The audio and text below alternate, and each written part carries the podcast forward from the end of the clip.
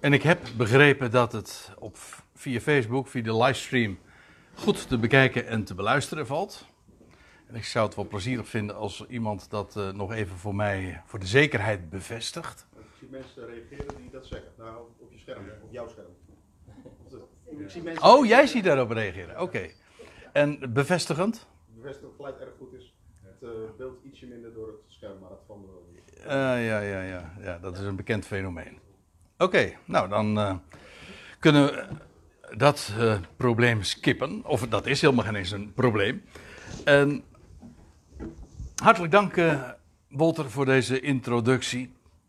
En dat was meteen al meteen in het diepe duiken van de typologie en de betekenissen van de, van de getallen en van 7 en 8.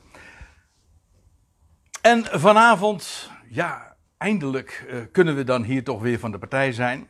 Uh, onverwacht inderdaad, want uh, het was plotseling dat de zaal dan toch weer beschikbaar bleek te zijn. En daar gaan we er ook meteen volop gebruik van maken, want over twee weken, maar dat stond al gepland trouwens hoor.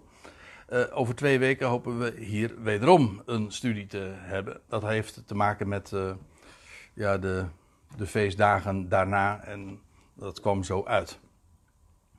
Maar uh, ik moet u zeggen, het is mijn groot genoegen om, uh, om jullie hier weer uh, te mogen treffen. En zo waar, het was ook in no time weer, weer volgeboekt. We hebben er zin in, kennelijk. Ja. En inmiddels zijn wij niet alleen bij deel 32 beland, maar ook in een nieuw hoofdstuk van het boek De Openbaring. En we hebben allerlei cycli inmiddels ook gehad. Bijvoorbeeld de zeven schalen in hoofdstuk 16. Nou ja, uh, we, uh, dat zeg ik even tussen aanhalingstekens, want ik, uh, ik weet nog erg goed dat ik die Bijbelstudies gewoon in, in mijn uppie, in, in mijn studeerkamer heb gegeven. En met de camera voor me. En dat is een stuk minder aangenaam dan wanneer ik zo levende gezichten allemaal mag zien. Dat is uh, zo een andere ja, beleving. Of laat ik het zo zeggen, daar zit veel meer uh, beleving in. Dat is net als met die, ik weet niet of u dat wel eens uh, nu ook ziet, op met die voetbalwedstrijden, met die, met die grote stadions. En er zit geen hond in. Nou ja, dat is echt, dat is zo sfeerloos. En, nou ja, het is wel zo, dat moet ik er wel bij zeggen. Ik vind het een geweldig voorrecht dat we ook uh, de beschikking hebben over internet en computers en, en, al dat soort programma's, zodat we, neem me niet kwalijk, gewoon uh, uh, door kunnen gaan met de Bijbelstudies. Dat vind ik echt, dat vind ik echt heel erg tof. Bij alles wat er zo te klagen valt. Hè? Nou ja, te klagen valt. we, we dat doen we gewoon. Ja. Ik zei al, we zijn bij hoofdstuk 17 gearriveerd en dat gaat over Babylon. Ja, het staat er in mijn Bijbel ook boven. Het oordeel over Babylon. En ik moet erbij zeggen, dat was al even aan de orde geweest in het voorgaande hoofdstuk. En laat ik eventjes uh, terugblikken. Dat lijkt me wel handig als we zo'n lange tijd toch niet meer hier geweest zijn. Openbaring 16, dat was dus het voorgaande hoofdstuk.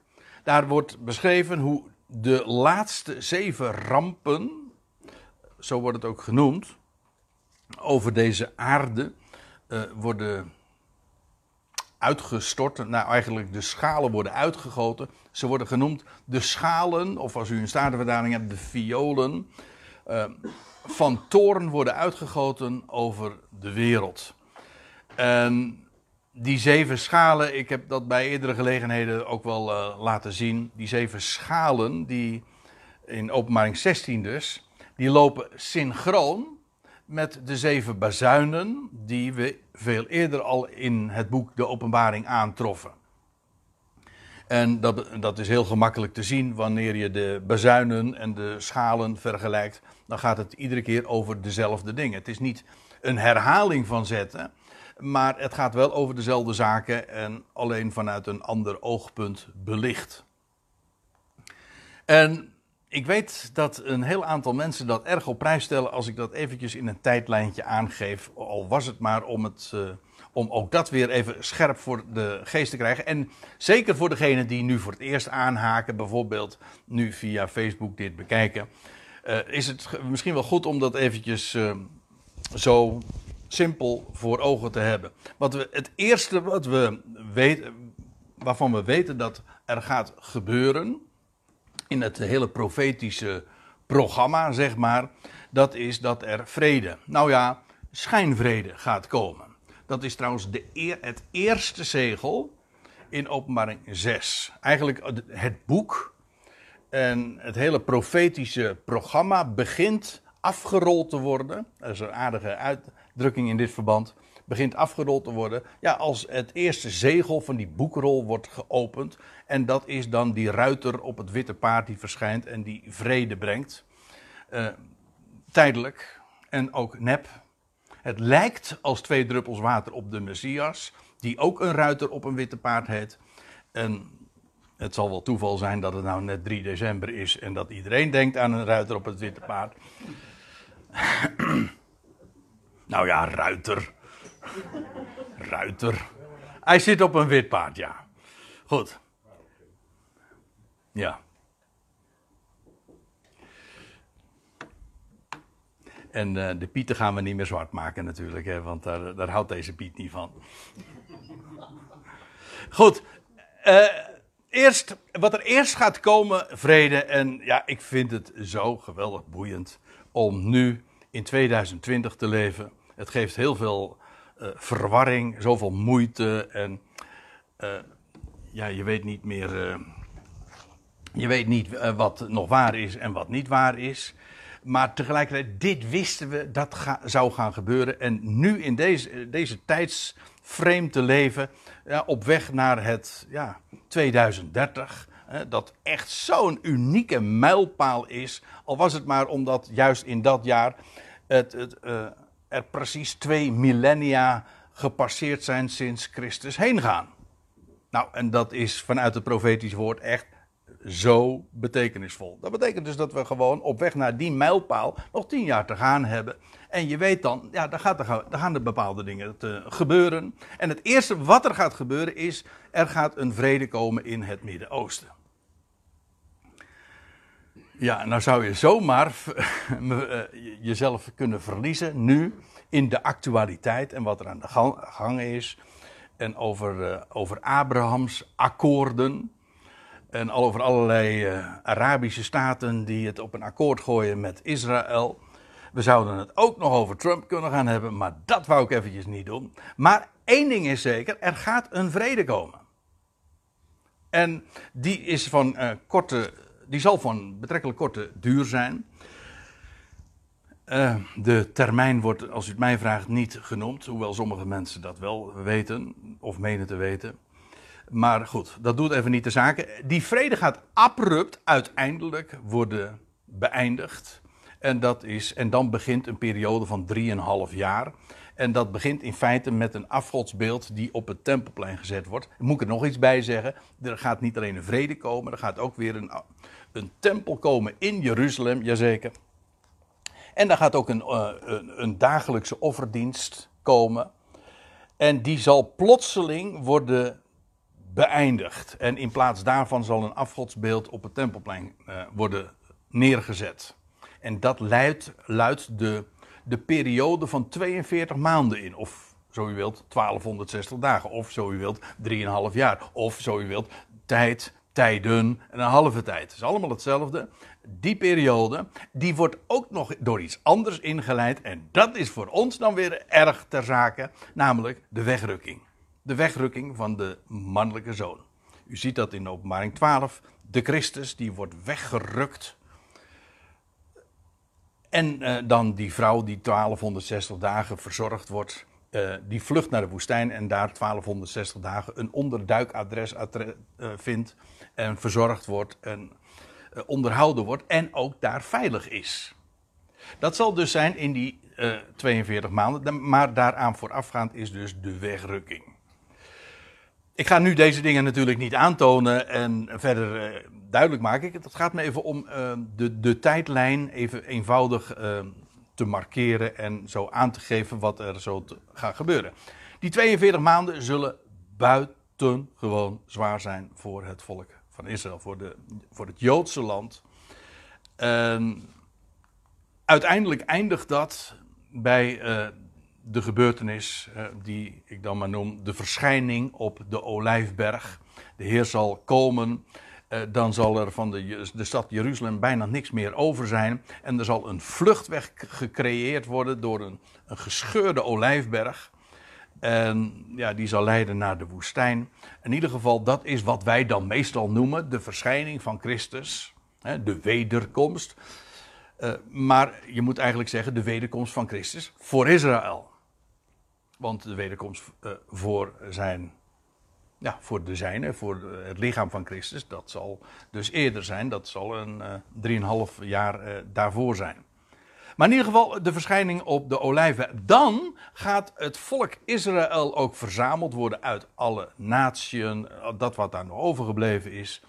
En, uh, en, Israël zal gebracht worden in het land, in een verwoest land. En het zal ook weer volledig worden hersteld, herbouwd.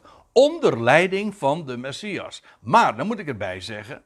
Dan is Israël weliswaar op haar bestemming gekomen en in het land en hersteld. En de Messias is daar en die zal zijn troon, de vervallen hut van David, het koningshuis, de dynastie, in ere oprichten en herstellen en restaureren. Of nou ja, hoe het zeg maar, maar zeggen wil. Uh, die, die troon van David die zo lang uh, vakant is geweest, leeg is, heeft gestaan, die zal dan weer bezet worden. En dan zal er dus weer de koning zijn in Jeruzalem. En dan zal uh, de, de Heer daar inderdaad regeren over zijn volk. Maar de volkerenwereld moet dan nog worden onderworpen. En dat is een, een, relatie die buitengewoon, hoe zal ik dat noemen, conflictueus is. Dat wil zeggen, er zal enorm veel vijandschap, weerstand zijn tegen die, die indringer. Ja, het klinkt inderdaad allemaal heel wonderlijk. Maar goed, zo beschrijft de Bijbel dat. En uh, de volkerenwereld zal in, in verzet komen. En dan zal.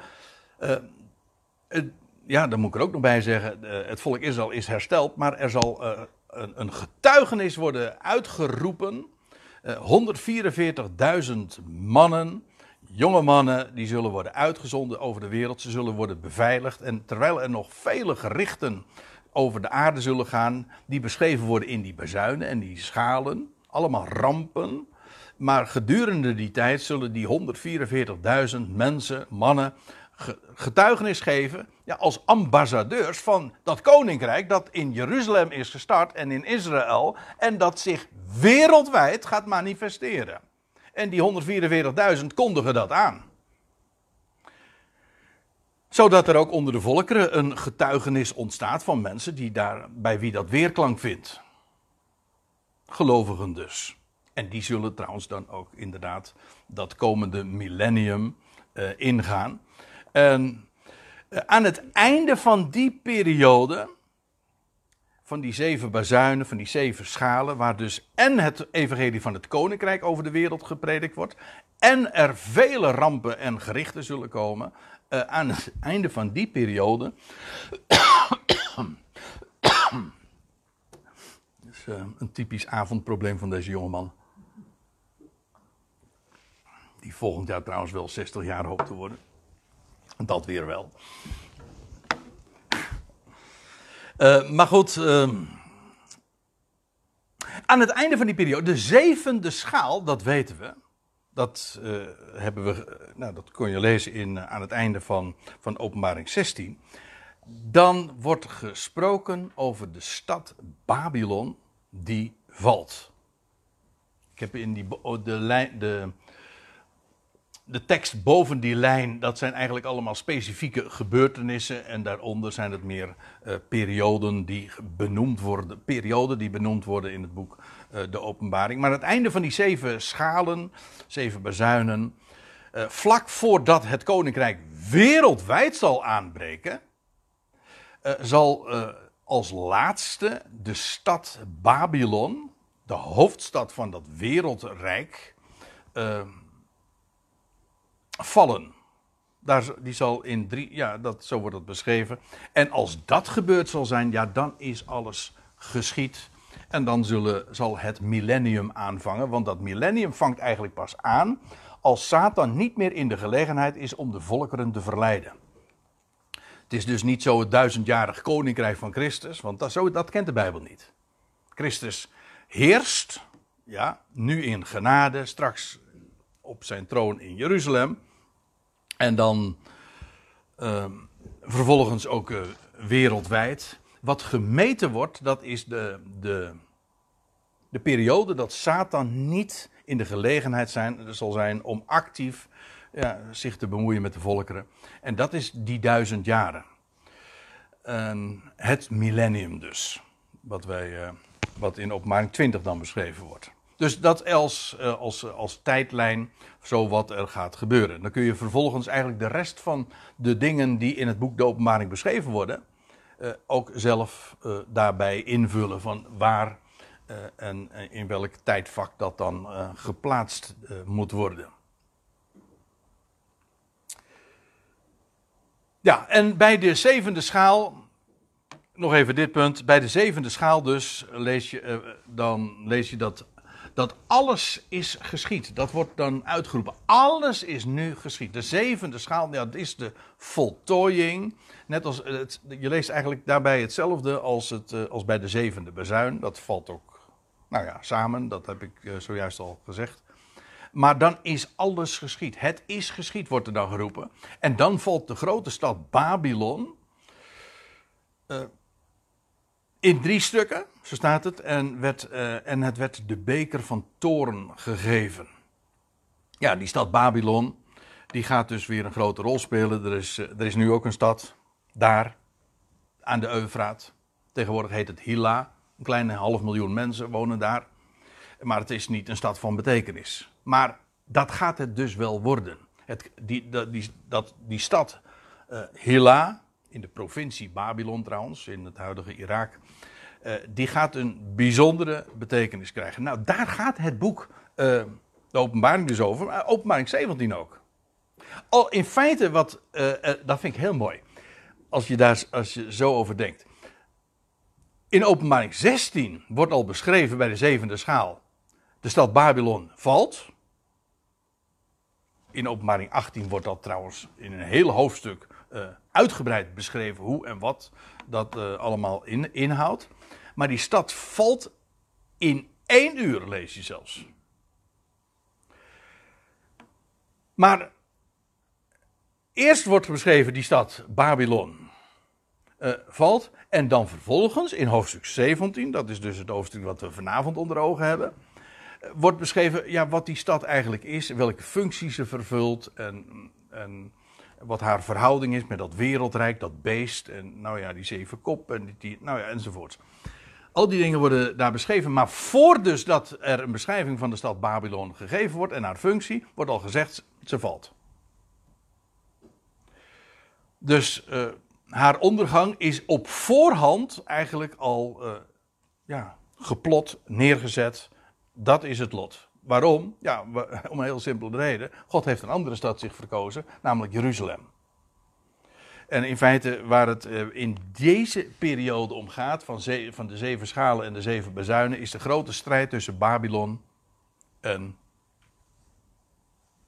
Jeruzalem dus, ja. Die twee steden. En Babylon gaat vallen en Jeruzalem blijft over.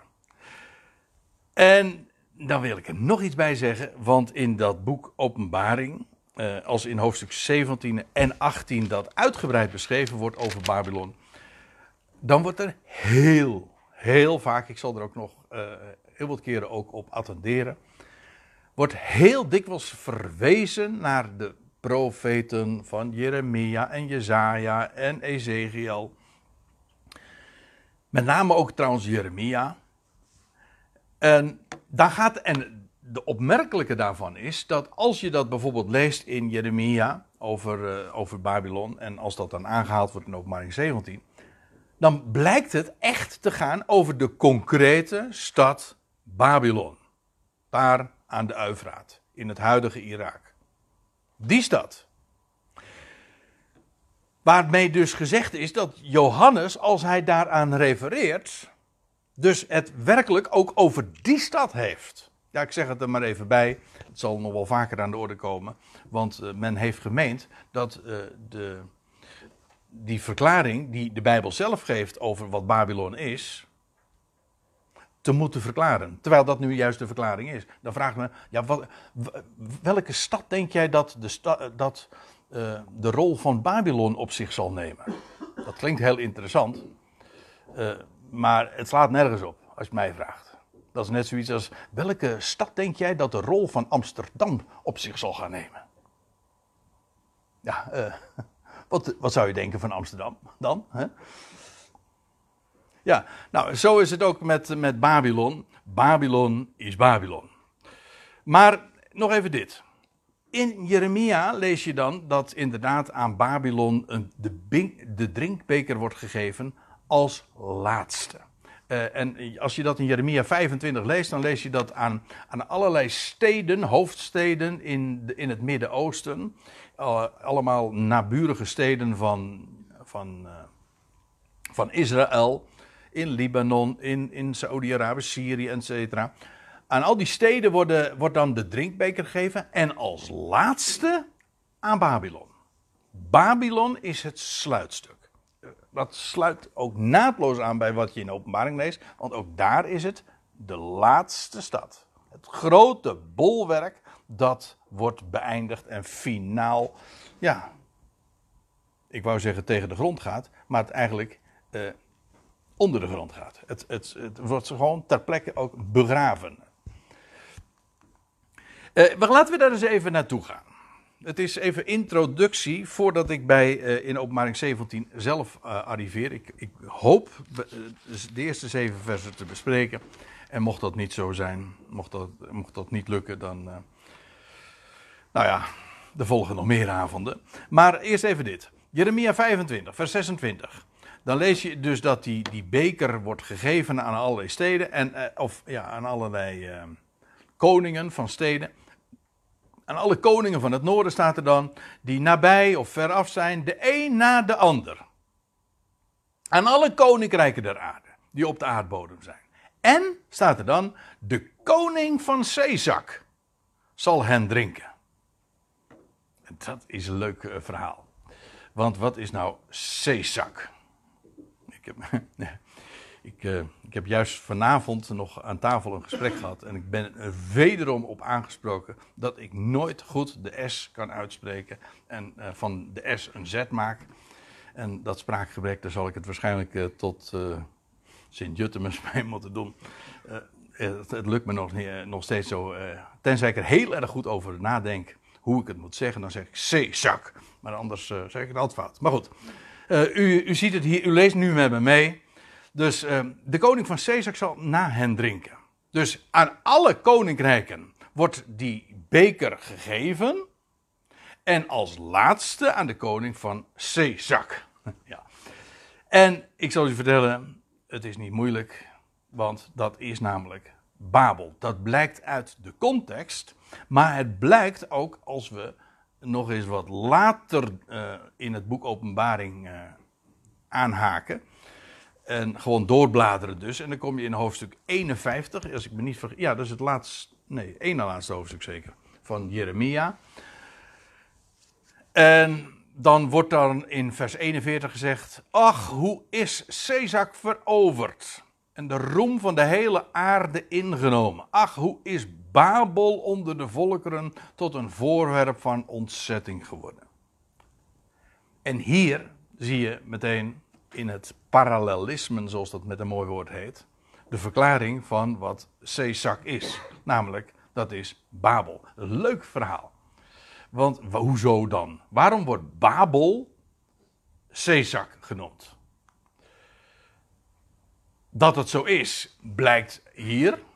En het is trouwens ook onomstreden. Maar eh, dat, is, dat noemen ze een atbash. Dat is een stijlfiguur. En ik zal het u vertellen hoe dat uh, in elkaar zit. Vind, ik vind het te boeiend om het uh, onvermeld te laten. U ziet hier, het is een beetje. Ja, Ik zie het hier heel goed. Als u daar achterin zit, zie je het niet goed. Ja, nou ja, ik, eh, als ik het publiceer op de website, dan, dan zie je het eh, wel. Maar kijk, dit zijn de, deze letters. Dat zijn Hebreeuwse letters. Het Hebreeuwse alfabet. Van Alef tot Taf. En hier wordt dan gezegd Alef, Bet, Kimel, de let, He, Waf. Nou ja, al die letters van het Hebreeuwse alfabet. En wat is nou een atbas? Dat is dit. Dat is dit verschijnsel. Dan, wordt het, dan worden de letters omgekeerd. Dat wil zeggen, dan wordt de alef wordt een taf. Dus de eerste letter wordt een taf. En de tweede letter, de beet, wordt dan de ene laatste letter. En de derde letter, de gimel, wordt dan de twee na laatste letter. En zo keert het zich dus gewoon om. En dat wordt een atbash genoemd, want het is afgeleid van de eerste, uh, eerste, laatste, tweede en voorlaatste Hebreeuwse letters. Dus de alef en de taf, de alef en de taf, en de beet en de shin. En vandaar de de eerste letters heet dan een atbash.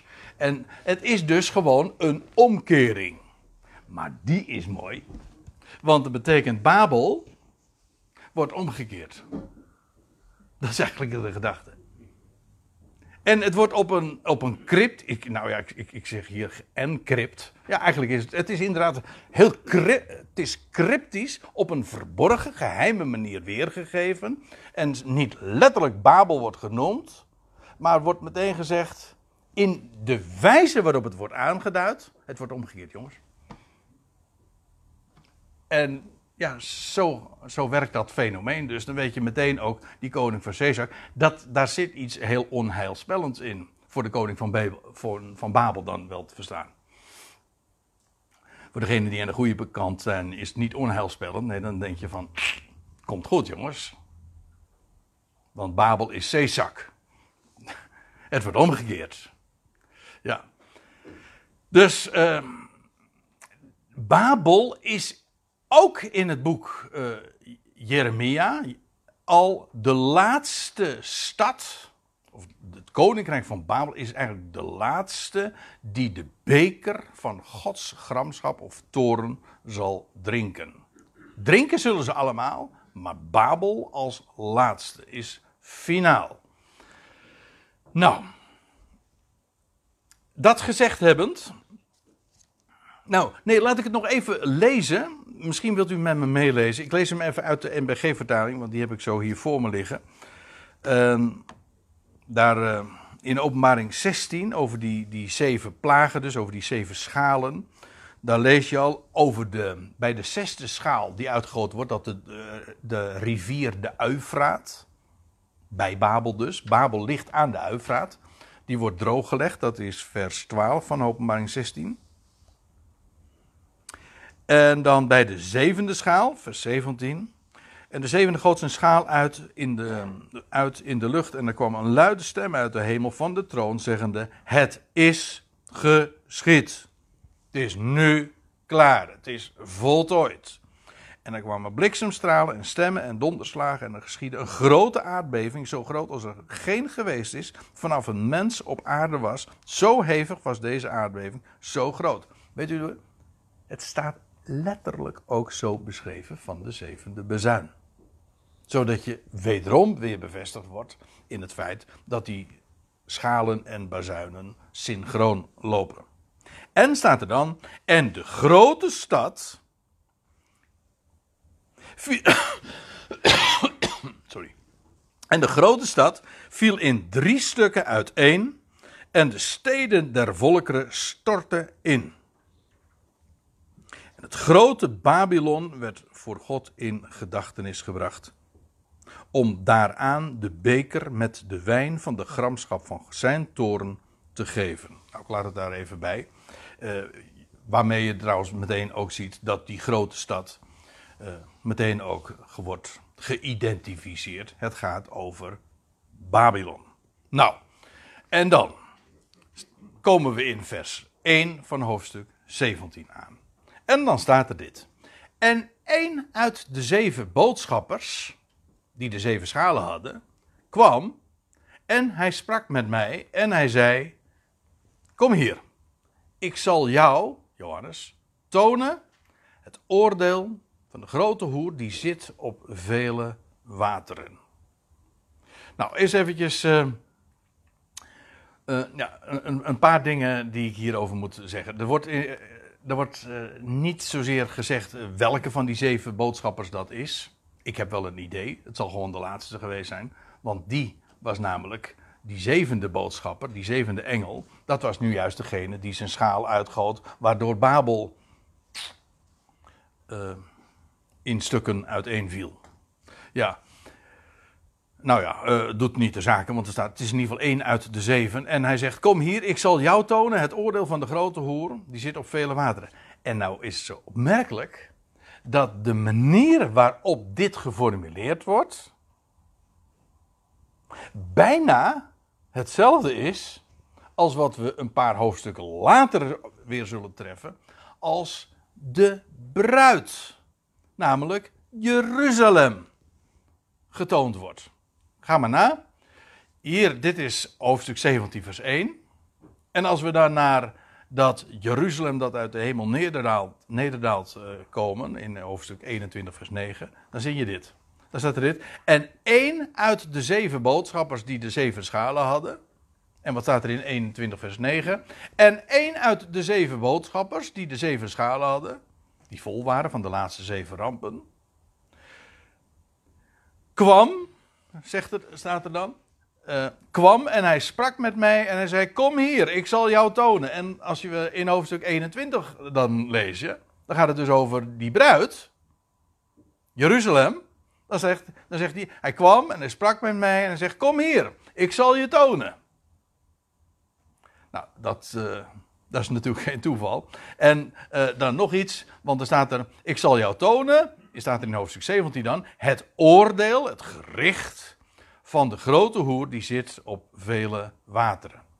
En in hoofdstuk 21, 9, vers 9, dan staat dan, ik zal, kom hier, ik zal je tonen de bruid, de vrouw van het lammetje. En wat is dat? De kerk, zegt u. Nee, Jeruzalem. Staat er gewoon bij. Jeruzalem, dat vanuit de hemel nederdaalt. Nou ja, hoe dat uh, in zijn werk gaat en wat dat allemaal is, daar komen we vanzelf uh, wel over te spreken als we in hoofdstuk 21 uh, gearriveerd zijn.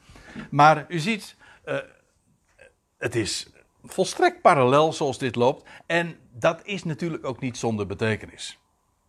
Want voordat de bruid getoond kan worden, het echte, niet de hoer, maar Jeruzalem, moet eerst die andere stad, die precies het tegendeel is van de bruid, en namelijk een hoer. En daar moet eerst korte metten meegemaakt worden. En dat gebeurt ook. En dat wordt uh, in hoofdstuk 17 ook beschreven. Ook hier weer Jeruzalem versus Babylon, of beter omgekeerd. Eerst Babylon wordt terzijde geschoven, netjes gezegd, en eh, voordat Jeruzalem getoond wordt. Is uh, heel fraai, zulke literaire structuren. Net zo goed als uh, zo'n zo stijlfiguur was waar ik het zojuist over had, over die Atbas. Dat vind ik ook, ik vind dat prachtig. Ik vind het prachtig zoals dat op die manier stilistisch, zoals dat zo mooi heet, tot uitdrukking gebracht wordt. We hebben het over een stad die omgekeerd wordt. En hoe gaan we dat nou eens uitbeelden? Nou, door gewoon dat systeem van een Atbas. Prachtig toch? Kom hier, uh, vers 1, zegt hij, een van die zeven engelen die die zeven schalen hadden. Kom hier, ik zal jou tonen het oordeel van de grote hoer. Dit is de eerste keer dat dat zo genoemd wordt in het boek De Openbaring. En de aardigheid is, en ik heb dat al heel dikwijls uh, naar voren gebracht, zo in de loop van deze serie, dat die beelden die gebruikt worden, ook gewoon verklaard worden. Het is geen letterlijke hoer. Nee, want later in hoofdstuk, uh, in hoofdstuk uh, eh, 17, vers 18, dus dit is het eerste vers. En in het laatste vers van ditzelfde hoofdstuk wordt gezegd wie die hoer is. Dat is heel opmerkelijk. Allerlei dingen worden eerder al verklaard. Maar het, hetgeen het eerst genoemd is, namelijk de hoer, die wordt als laatste in dit hoofdstuk verklaard. Ook weer een, uh, zo'n eigenaardige structuur. Maar die grote hoer is dus inderdaad Babylon. De de, en waarom groot? Nou, uh, hoezo een grote hoer? Nou, het, is, het, het verwijst naar een grote stad, Babylon. Waarbij groot natuurlijk zou kunnen verwijzen naar het, uh, het inwoneraantal, maar hoeft niet per se. Een stad kan ook om andere redenen groot zijn. Namelijk vanwege de status die het heeft. Eerlijk gezegd denk ik, ik kan het niet hard maken. ik zei zojuist, de stad Hila is nu telt nu een half miljoen eh, inwoners. En misschien over een aantal jaren vele, als de stad een totaal andere betekenis gaat krijgen, uh, zal het misschien veel meer inwoners tellen. Dat zou kunnen, maar dat is in wezen niet eens noodzakelijk. Het is een grote stad en dat heeft te maken met de rol die het zal vervullen, namelijk als hoofdstad van, ja, van een compleet wereldrijk daar in het Midden-Oosten. Daarom is hij groot.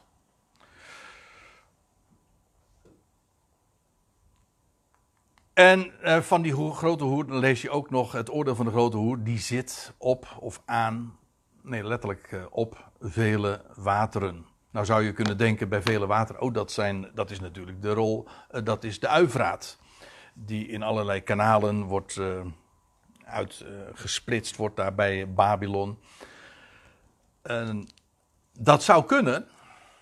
Dat is op zich een hele logische link. Waren het niet dat de Bijbel er ook nog in ieder geval deze verklaring aan geeft. Sterker nog, uh, dat is de verklaring. In vers 15 van dit hoofdstuk lees je. We komen daar vanzelf uh, later over te bespreken, maar ik zeg het nu alvast maar. Uh, want dan weten we meteen waar we het over hebben. die grote hoer is dus de grote stad Babylon. En dat ze zit op vele wateren, dan staat, dan staat er gewoon letterlijk bij van ja, dat dat je dat zo gezien hebt, Johannes, dat betekent dat die vele wateren, dat zijn volkeren en scharen en menigten en, en talen. Een beetje vergelijkbaar met onze uitdrukking uh, of uh, onze term uh, volkerenzee. Die trouwens ook heel erg gekenmerkt wordt door, door woelig, de woelige baren en golven. En ja, inderdaad, er is altijd gewoel. En uh, ik wou er nog een ander woord zeggen, maar uh, laten we het netjes houden. Dat is, dat is wat de zee is en die vele wateren. Onstuimig, waar zo'n monsterbeest uit voortkomt. Dat is openbaring 13, vers 1. Maar goed, dat is die, die stad Babel. Die zit op vele wateren. En dat betekent ook dat ze gaat over. En de de heerschappij heeft over volkeren, scharen, menigte en talen. En vandaar dus ook een hoofdstad is. Er staat nog bij in vers 2 met wie de koningen van de aarde hoereren. Aha, nou weten we ook meteen waarom die stad vergeleken wordt met een hoer. Want uh, die stad, dat is een stad waarmee gehoereerd wordt. Wie doen dat nou? Nou, de koningen der aarde. Gewoon in het algemeen. En ja, wat is hoereren? Uh, nou, dus in ieder geval zichzelf verkopen. Een vrouw die zich, die, uh, ja, hoereert, dat is uiteraard een uh, vrouw die zichzelf voor geld verkoopt. En ik denk dat dat trouwens in dit geval ook heel letterlijk zo is. Want, nou, we ik, ik kom daar nog over te spreken. Dat dat Babel sowieso die rol krijgt, dat is juist vanwege dit vanwege het grote geld. En laat ik nou meteen maar zeggen wat ik later nog eh, echt ga aantonen ook, want dat is echt de bedoeling. Die stad Babylon, dat gaat een Joodse stad worden. Dat is het verbazingwekkende. En dan begrijp je meteen ook nog iets anders. Als, als, als ik meteen even, het is even een shortcut, hè, zoals wat ik nu doe. Maar ik, ik, ik uh, ik ga nu eigenlijk al meteen naar de conclusie zonder eerst de bonnetjes te geleverd te hebben. Maar ik doe dat nu eventjes zo om, om het meteen even ook duidelijk te maken. Uh, want uh, kijk, de, in de Bijbel is de stad, nou laat ik het zo zeggen. Uh, eh, is, is Israël, Juda, Jeruzalem, wordt de vrouw van de Heer genoemd.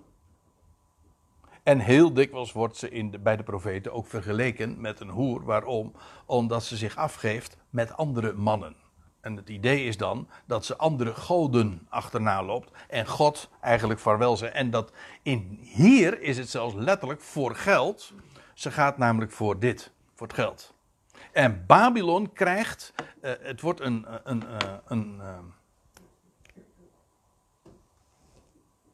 wat is het woord nou?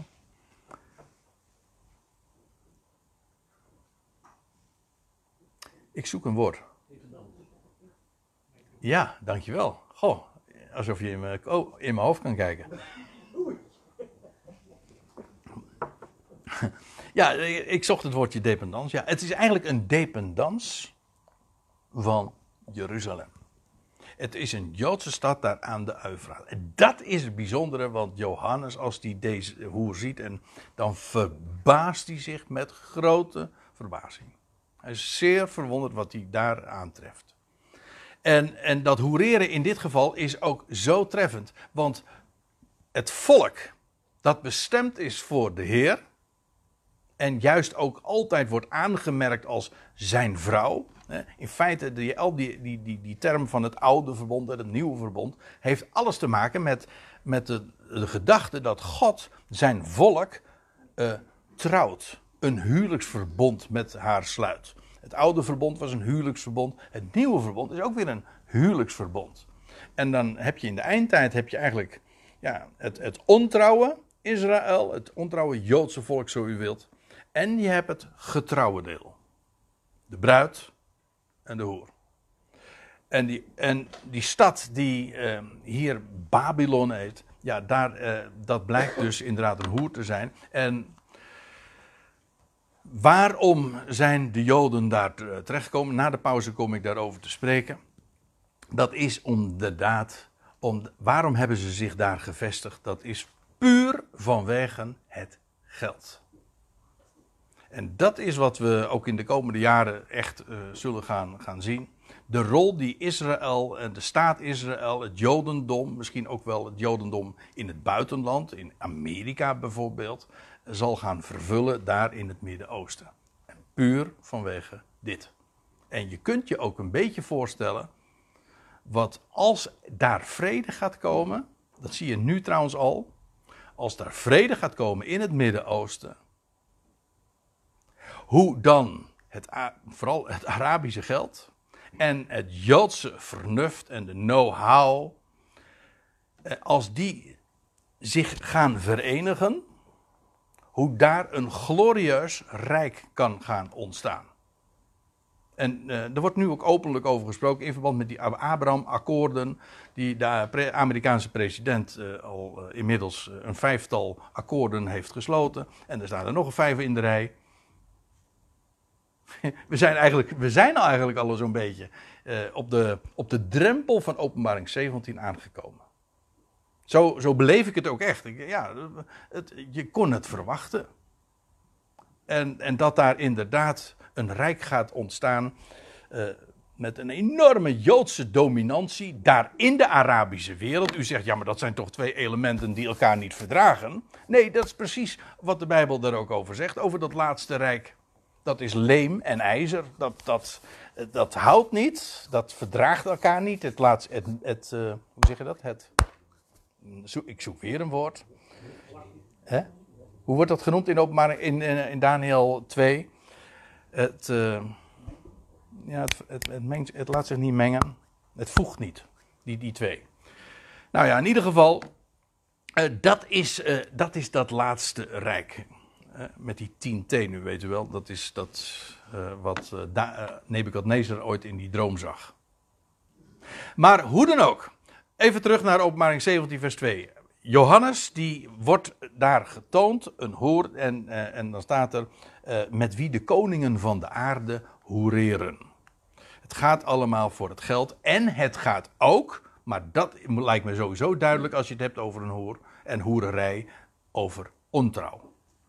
Want dat is eigenlijk wat hoererij is.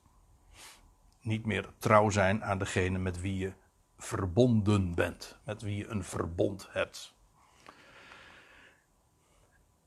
Met wie de koningen van de aarde hoereren, met die vrouw dus, met die hoer, Babylon. En zij die het land bewonen, of zij die, ja, dat is het probleem wat we al uh, vaker gezien hebben. Soms is het duidelijk, gaat het echt over het afgebakende land, namelijk het, het Joodse land, Haaretz, Israël. En soms gaat het gewoon ook over het land in het algemeen, gewoon alles wat droog is. De, pardon, de aarde.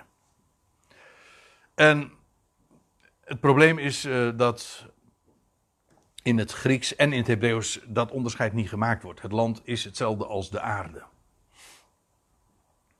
En uh, dus als hier staat en zij die het land bewonen, dan kan dat beperkt zijn. Gewoon het land Israël. Het kan ook zijn gewoon het land in het algemeen, het drogen, alle landen dus. Uh, ik laat het in het midden, want in beide gevallen krijg je een goede zin.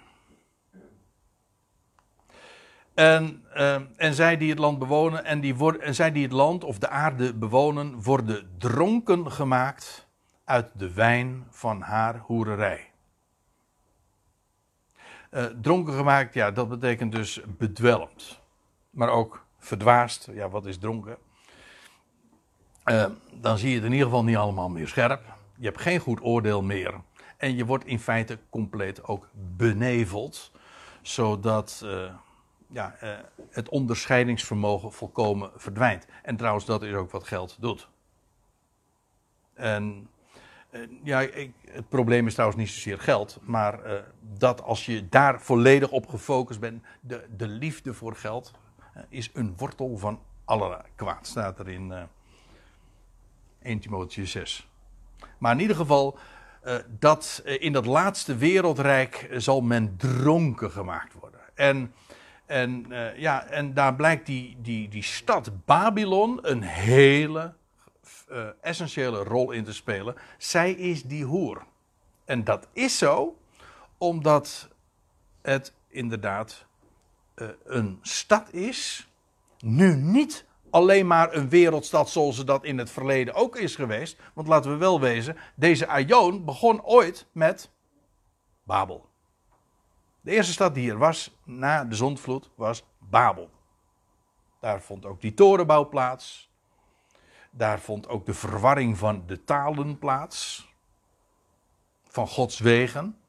Dus apart, want Babel uh, betekent in het Galdeus, over, over eigenaardigheden in taal gesproken. In het Galdeus betekent Babel poort Gods. Heeft hij Bab El, El, God. In het Hebreeuws is Babel, weet u wat, staat er trouwens in Genesis 11, vers 6 of 7 bij. God noemde haar Babel, want Babel is in het Hebreeuws verwarring. Waarom? Omdat God daar de taal en de spraak verward heeft, zodat mensen elkaar niet meer begrepen en de families uiteengedreven werden. En zo gingen de volkeren alsnog verspreid worden. Dat was ook de bedoeling. En niet om samen te klonteren en zich een naam te maken. Daar begon Babel en in, de, in het verleden heeft Babel allerlei, uh, ja, ook later in de dagen van Nebukadnezar, waar ik het zojuist over had, was het een geweldig groot wereldrijk.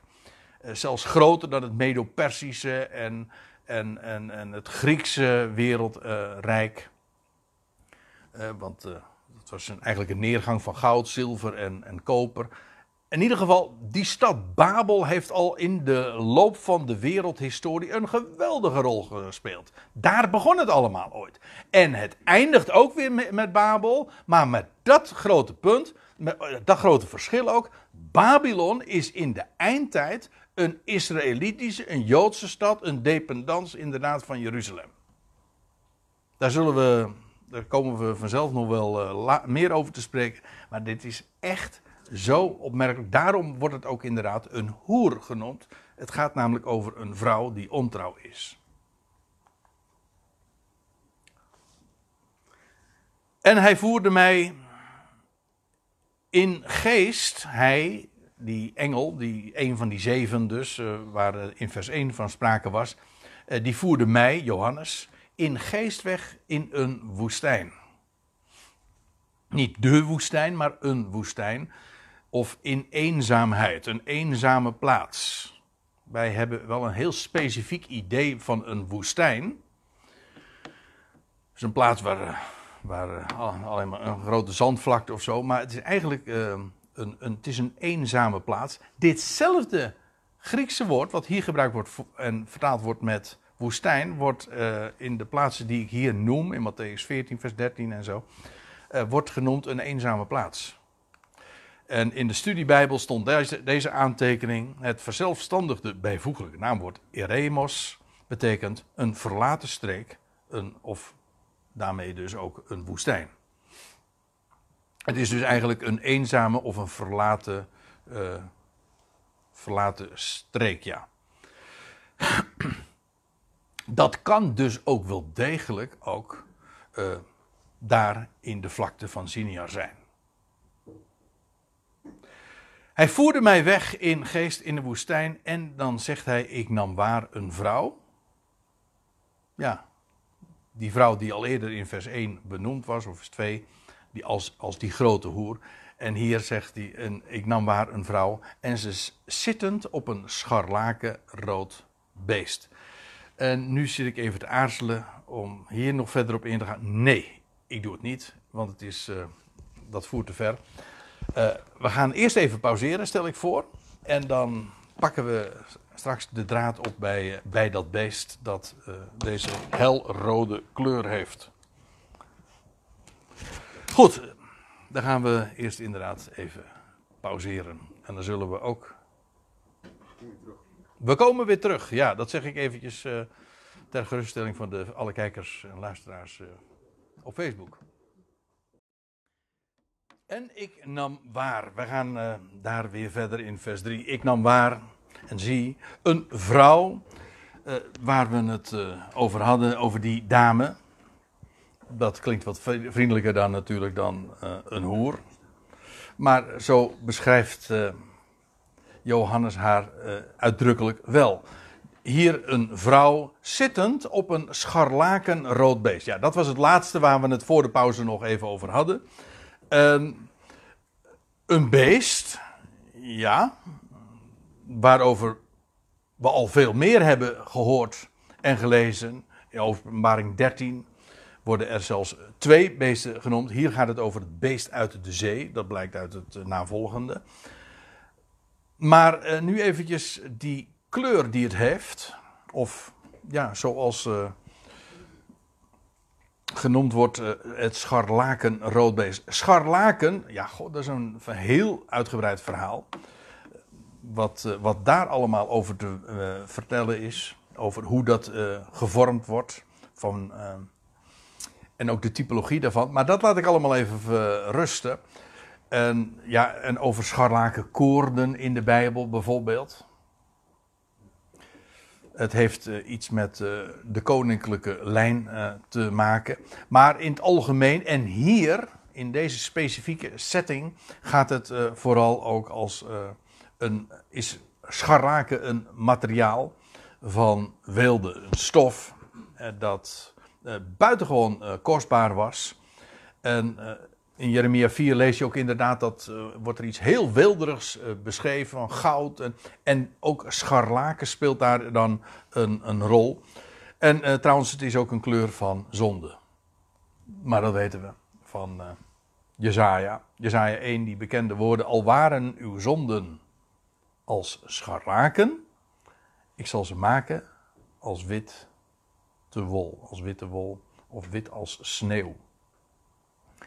En uh, die beide uh, kenmerken. Ik herinner me nog zo goed. Ik was, uh, dat was in 1976. Ik was voor het eerst in Israël onder leiding van een illuster echtpaar. Nou, echtparen, mag ik wel zeggen. Gert en Hermine Timmerman. Ja, echt waar. Die organiseerde een jongerenreis naar Israël en daar ben ik mee mee geweest. Ik was toen 15 jaar. Mocht eigenlijk niet mee, want de minimale leeftijd was 16. Ik was dus de jongste in het gezelschap.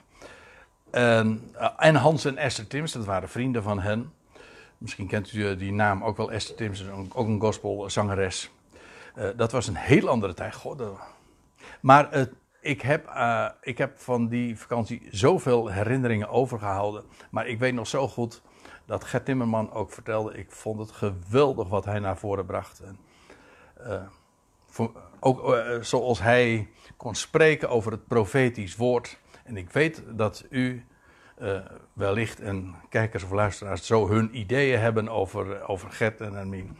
Maar ik kan er niet te veel kwaad over horen, want ik heb daar zo enorm veel uh, van geleerd.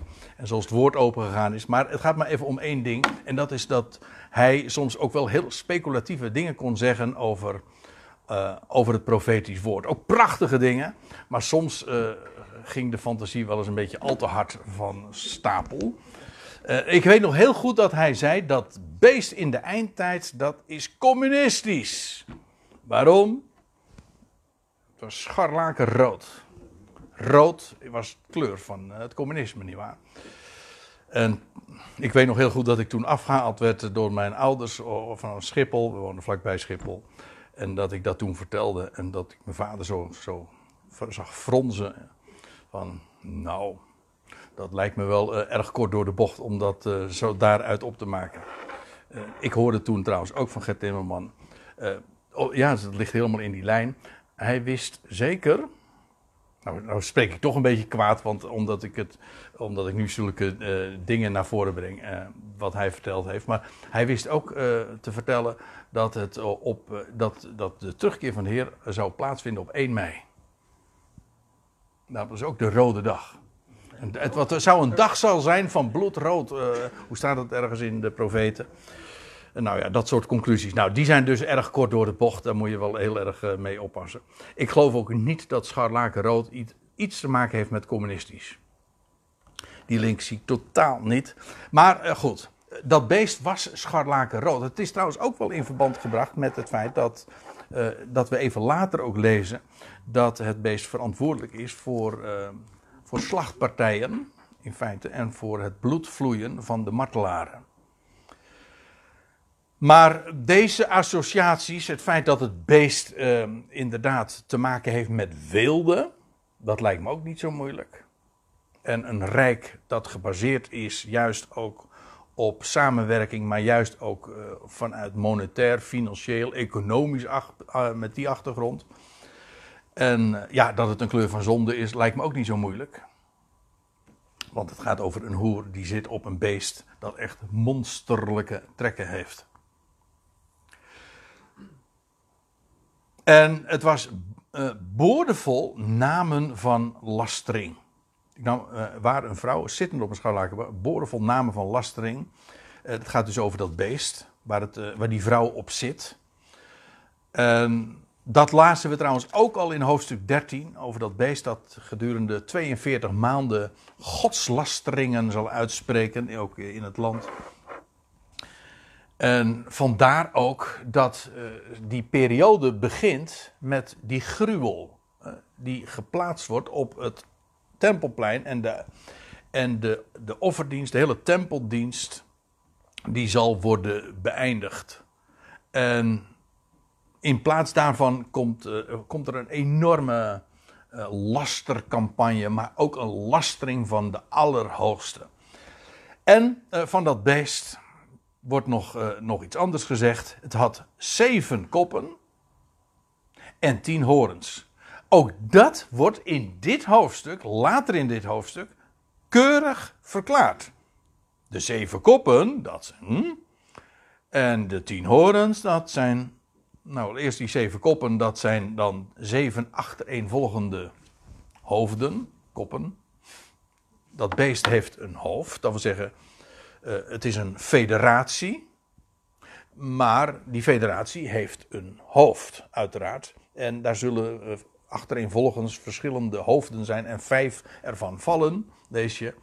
En uh, die zesde die komt voor een korte tijd. En dan maakt het. Dat is dus nummer zeven. zeg je nee? Dan komt. Nee, sorry. De vijf vallen. Dan komt de zesde. Maar die wordt gedood. Wordt vervangen door de zevende waarna de zevende, de zesde, sorry, uh, alsnog inderdaad herleeft. Zodat de zesde ook de achtste is. Ja, uh, En als u zegt van die snap ik niet helemaal, daar heb ik het al eens een keer over gehad. Maar we gaan het er ook echt nog over krijgen, want dat wordt namelijk uitgelegd in vers 9 tot 11. Wat ik nu doe is gewoon een voorzet. Meer niet. Maar dan weten we in ieder geval waar we het over hebben. Dus die zeven koppen zijn ook zeven koningen, maar het is het, het, het, zijn het is het hoofd van dat rijk. En die tien horens, dat zijn ook tien koningen, maar die tegelijkertijd samen zullen heersen. Dat wordt uitgelegd in vers 12. Trouwens, dat was al door da in het boek Daniel uitgelegd, dat die tien horens tien koningen zijn. Dus,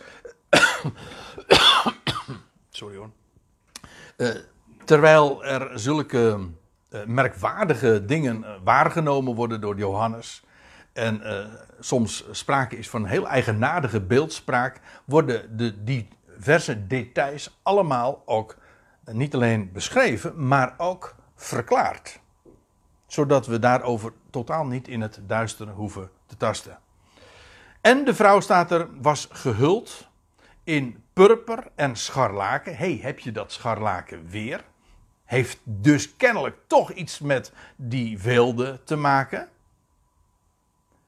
Maar het valt er niet mee samen, want het was een scharlakenrood beest. En vervolgens, en de vrouw was gevuld, gehuld in purper en scharlaken en verguld met goud en kostbaar gesteente en parels. Nou, wat er ook over die details allemaal te melden valt, één ding moet toch wel duidelijk zijn. Alles wat hier genoemd is, al is allemaal uh, verschrikkelijk duur en weelderig. Extreme weelde. En dat is ook heel vervelend voor jullie. En het eh, geeft ook precies aan uh, hoe dat laatste, dat laatste wereldrijk uh, gekenmerkt zal worden. En het is opmerkelijk dat het niet alleen in dit hoofdstuk zo hier al genoemd wordt. In, straks in hoofdstuk 18 wordt het ook breed uitgemeten hoezeer het een, een, een, een er zijn nu al van die steden, moet, bedenk ik ter plekke, eh, in het Midden-Oosten, die al de naam hebben van extreme weelde. Denk aan een stad als Dubai, eh, waar het gekste nog niet gek genoeg is, als het gaat om weelde. En eh, de stad Neom schijnt ook zoiets te zijn, daar in het gebied van Edom. Waar vorige week, heb je dat gelezen trouwens? Heb je dat, toen was de Amerika eh, minister van Buitenlandse Zaken in, uit Amerika was naar Neom gegaan. Die heeft een splinternieuwe stad in het gebied van Edom. En die had daar een ontmoeting gehad, geheim. Dat had eigenlijk niet uitgelekt mogen worden. Maar u weet hoe dat gaat. Uh, met, uh, hij had een, een ontmoeting met Netanyahu. En Netanyahu had een ontmoeting ook met de notabene, de, de kroonprins van Saoedi-Arabië.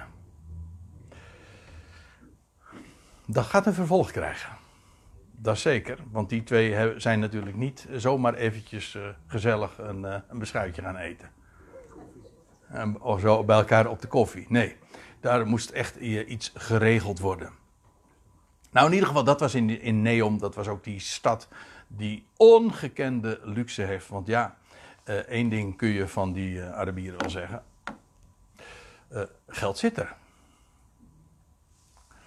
En hier uh, wordt uh, dus uh, gezegd, die, die vrouw die was gehuld in purper en scharlaken en verguld met goud en kostbaar gesteend en parels. Dus al die, die rijkdom daar in het Midden-Oosten, ja, dat, dat wordt haar, haar deel ook. En zij had een gouden drinkbeker. Waar moet u dan in denken als u dit leest? Hè? Ja, en uh, lees je ook niet in het boek Daniel over dat in het, bij dat feest van Beltsatsar, dat ze dronken uit de beker uit het huis des heren? Ik weet niet of dat, dat zou, ik, ik, ik zit nu dit ter plekke te bedenken, ik had het even, dat, ik had het even moeten opzoeken, maar uh, dat zal dan in Daniel 4 moeten staan. Dat feest van Beltsatsar en ook Babel, in Babel trouwens En dat daar gedronken werd uh, met materiaal, uh, met de kostbaarheden uit het huis van Yahweh in Jeruzalem. En dat was ook de laatste nacht, want toen kreeg je die, die, dat schrift op de wand van Mene, Mene, Tekel, Uverzin. Gewogen en te licht bevonden. En ze had een gouden drinkbeker in haar hand. En, het was boordevol gruwelen. En een gruwel heeft in de Bijbel altijd te maken met afgoden of afgoderij. En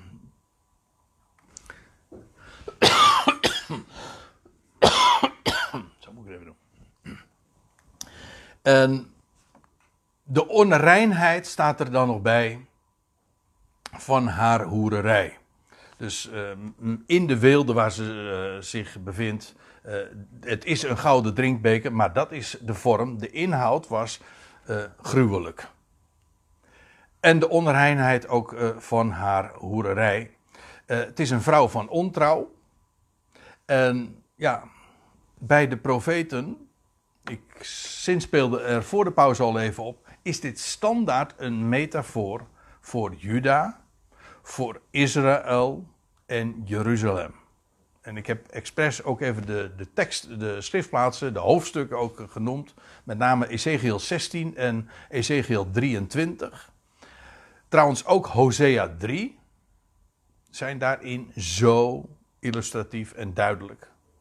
Dat Hosea een hoer moest trouwen en wat daar een, dat was een uitbeelding namelijk van het volk van Israël.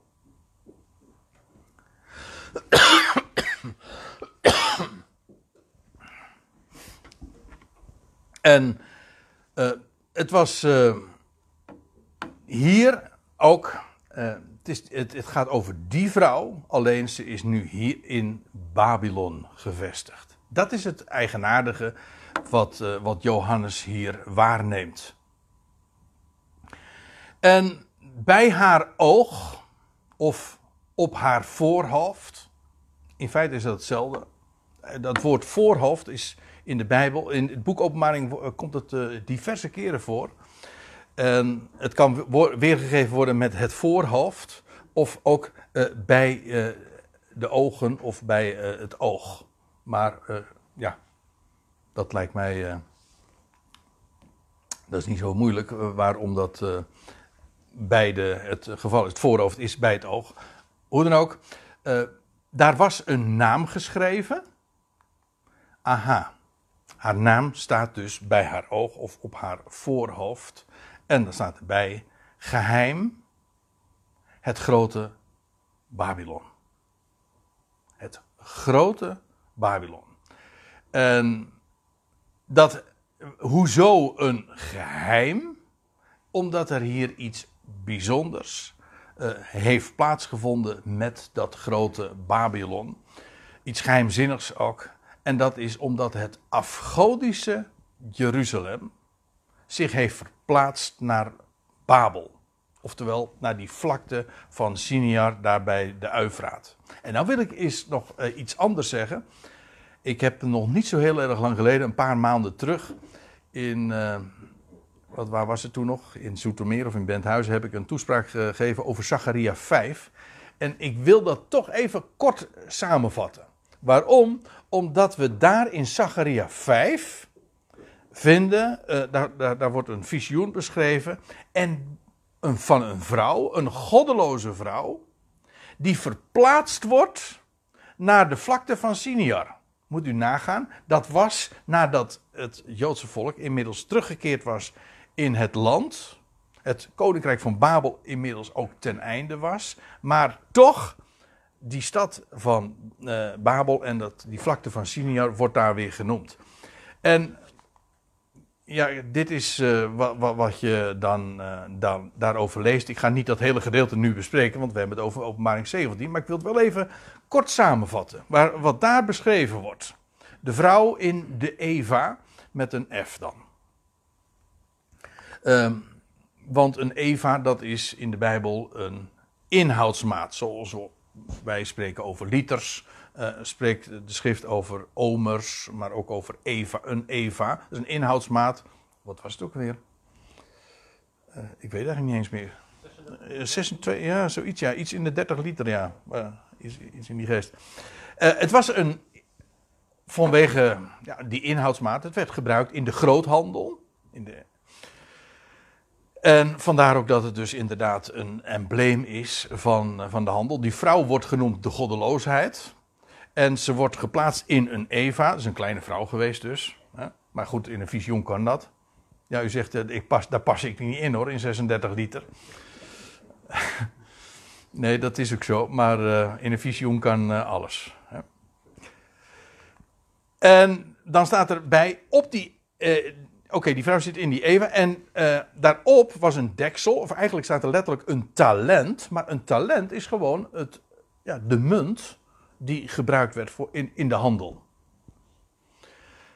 En zodat daar en gesprake is van een vrouw, een goddeloze vrouw, en ze wordt geassocieerd met de groothandel, en ze wordt geassocieerd met de financiën, hè, uitgebeeld in dat talent. En dan lees je dat uitleners, ja, dat is geen gebruikelijke vertaling, maar het is echt de wijze waarop dat elders in de Bijbel ook dat woord genoemd, uh, vertaald wordt. Dat uitleners haar drijven uh, naar het land Siniar. Je leest dan dat uh, die vrouw in die Eva zit en dan komen er uitleners, zo wordt dat genoemd, en die gedreven door de wind, die nemen die Eva op en die verplaatsen haar vervolgens naar het land van Sinjar. Kortom, daarbij de Uifraat in Irak. Het, het goddeloze volk daar in het Joodse land wordt in combinatie met de groothandel, in combinatie met het geld, de financiën, wordt gedreven door uitleners, ook weer zo'n financiële term uiteraard, investeerders, die drijven haar daarnaar, ja, de, die geweldige plek van de, uh, de Uifraatvallei, en die brengen haar daar. En dat is eigenaardig.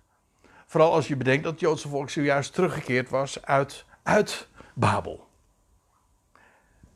Zacharia zegt: er komt een tijd dat een goddeloos Israël gaat uh, een vlucht zal maken. Misschien zelfs wel letterlijk, met vliegtuig. Hè? Of uh, wie gebruikte zojuist de term een kapitaalvlucht? We hadden het er zojuist over. Oh ja, jij had het erover, Fred. Uh, dat er sprake is van een, een kapitaalvlucht. en zich, zij zich gaan vestigen. Het in, daar in, in de vlakte van Siniar. Oftewel, Babylon. En daar komen de eindjes toch inderdaad weer bij elkaar. Want dat betekent dat die stad waar deze Aion ooit mee begon. En die in de tussentijd trouwens al die, die enorme hoogtepunten heeft gekend in de dagen van Nebukadnezar. En ook daarna nog wel. Uiteindelijk ook weer eindigt met Babylon. Met dat grote verschil. Dan zal het een Joodse stad zijn. En een goddeloos Israël zal een vlucht hebben gemaakt daar naar, ja, naar die vlakte en daar een dominante rol gaan spelen. Want ja, die vrouw, een hoer, die zal zitten op dat beest. Zodat je dus in de eindtijd weer inderdaad, voor de terugkeer van de Heer, dus in feite weer een, een rijk gaat krijgen waarin het Joodse volk in het Midden-Oosten een hele grote rol gaat spelen. En ook uh, ja, dat rijk van die tien natieën, uh, die federatie zal beheersen. Het zal niet voegen, het zal niet samengesmolten zijn, met dank aan het woord dat me zojuist werd aangedragen. Eh, zoals die twee elementen in eh, Daniel 2, ijzer en leem, ook niet samensmelten. Het, het, het, laat zich niet vermengen. Nee, maar het zijn wel de twee bestanddelen waar dat laatste rijk, met die tien tenen weet u wel, een, uh, uit zal bestaan. En dan lees je ook nog dat die vrouw daar met die, in die Eva, die wordt daar neergezet in een huis dat voor haar gebouwd wordt. Ja, hoe dat zal, zal gaan en wat de directe aanleiding daarvan zal zijn, Ja, dat weet ik niet. Heb je daar geen idee? Ja, ik heb er wel ideeën over. Hoe dat zou kunnen. Maar dat is speculatie. Uh, nou, misschien dat we er eh, bij een latere gelegenheid uh, via toch wat bijbelse lijntjes er, er, toch even over uh, gaan spreken. Ik, ik weet, één ding zal ook in de loop der tijd vanzelf ook wel helder worden. Als die dingen zich gaan aftekenen gewoon in de realiteit. Ik bedoel, als dat gewoon nieuws gaat worden in de kranten. En, ja, dan zeg ik, aha, zo gaat dat. Zo gaat het zich dus voltrekken. Nu denk je nog, hoe, hoe zal dat gaan zeg? Dat het hele wereldhandelscentrum niet meer daar in New York is, dat nu trouwens toch al leegloopt. Hm? Uh, en, maar dat gaat verplaatst worden daar, naar, naar, uh, naar het Midden-Oosten. Wat gaat er dan met Amerika gebeuren, zeg? Als, als, het, als het land, als, als, het, als ja, Wall Street, zeg maar, even voor het gemak, het grote geld als dat zich gaat verplaatsen naar het Midden-Oosten. Hoe, hoe... Een derde wereldgeld. is al in handen van heel veel Joodse mensen. Ja, het is, ja, ja dat, dat, dat, het, het, is, ik bedoel, het is geen complottheorie als ik vertel dat het grote geld toch voor, uh, voor een heel belangrijk deel, iedereen weet dat, uh, in Joodse handen is. Ja, dat is een bekend fenomeen. En als dat zich gaat verplaatsen naar het Midden-Oosten, omdat daar eh, heel veel te verdienen valt en veel te, te exploiteren is, eh, te, te, exploiteren, zo moet ik het zeggen, en ook wellicht te exporteren,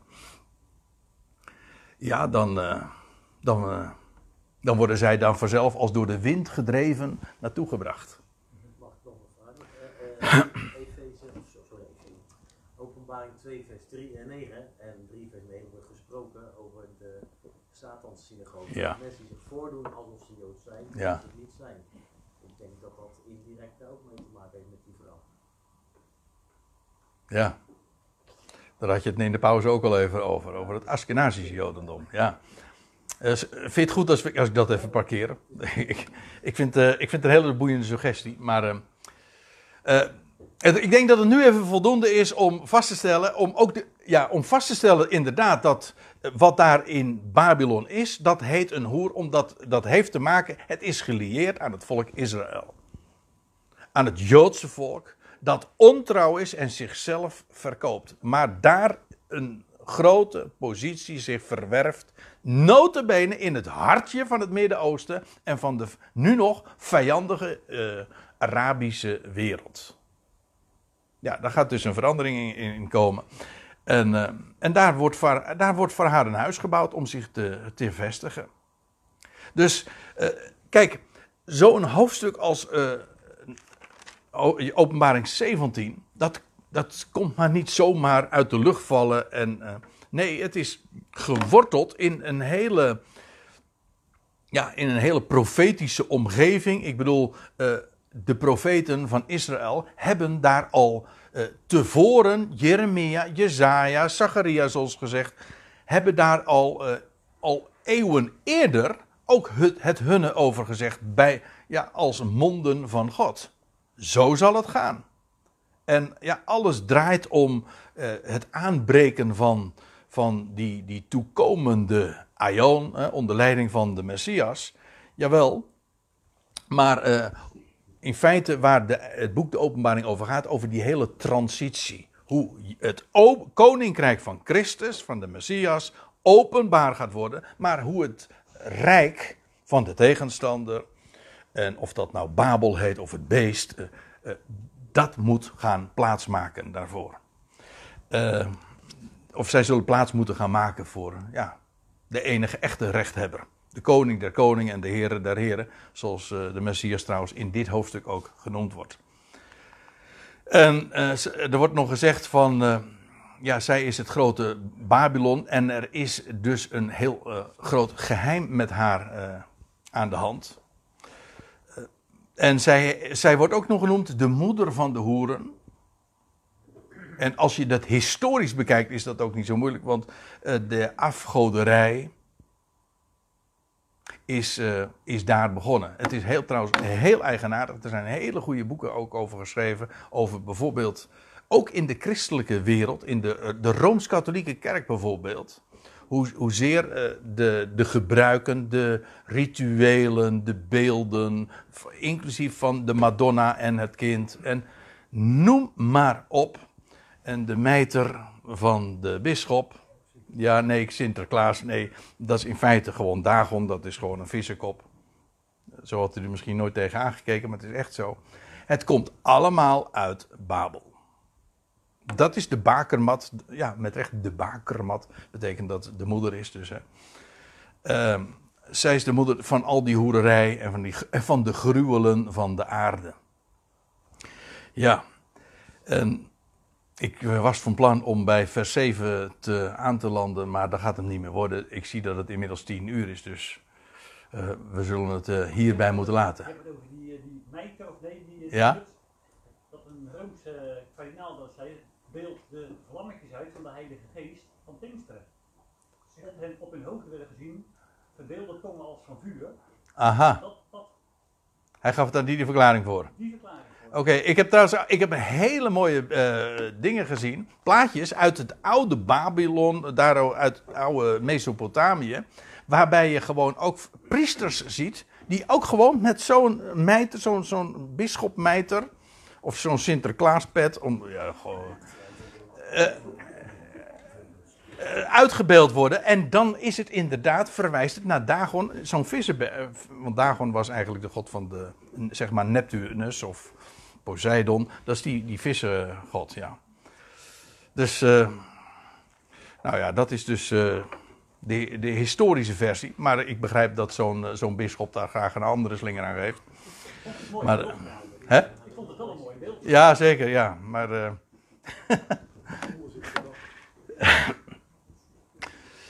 Goed.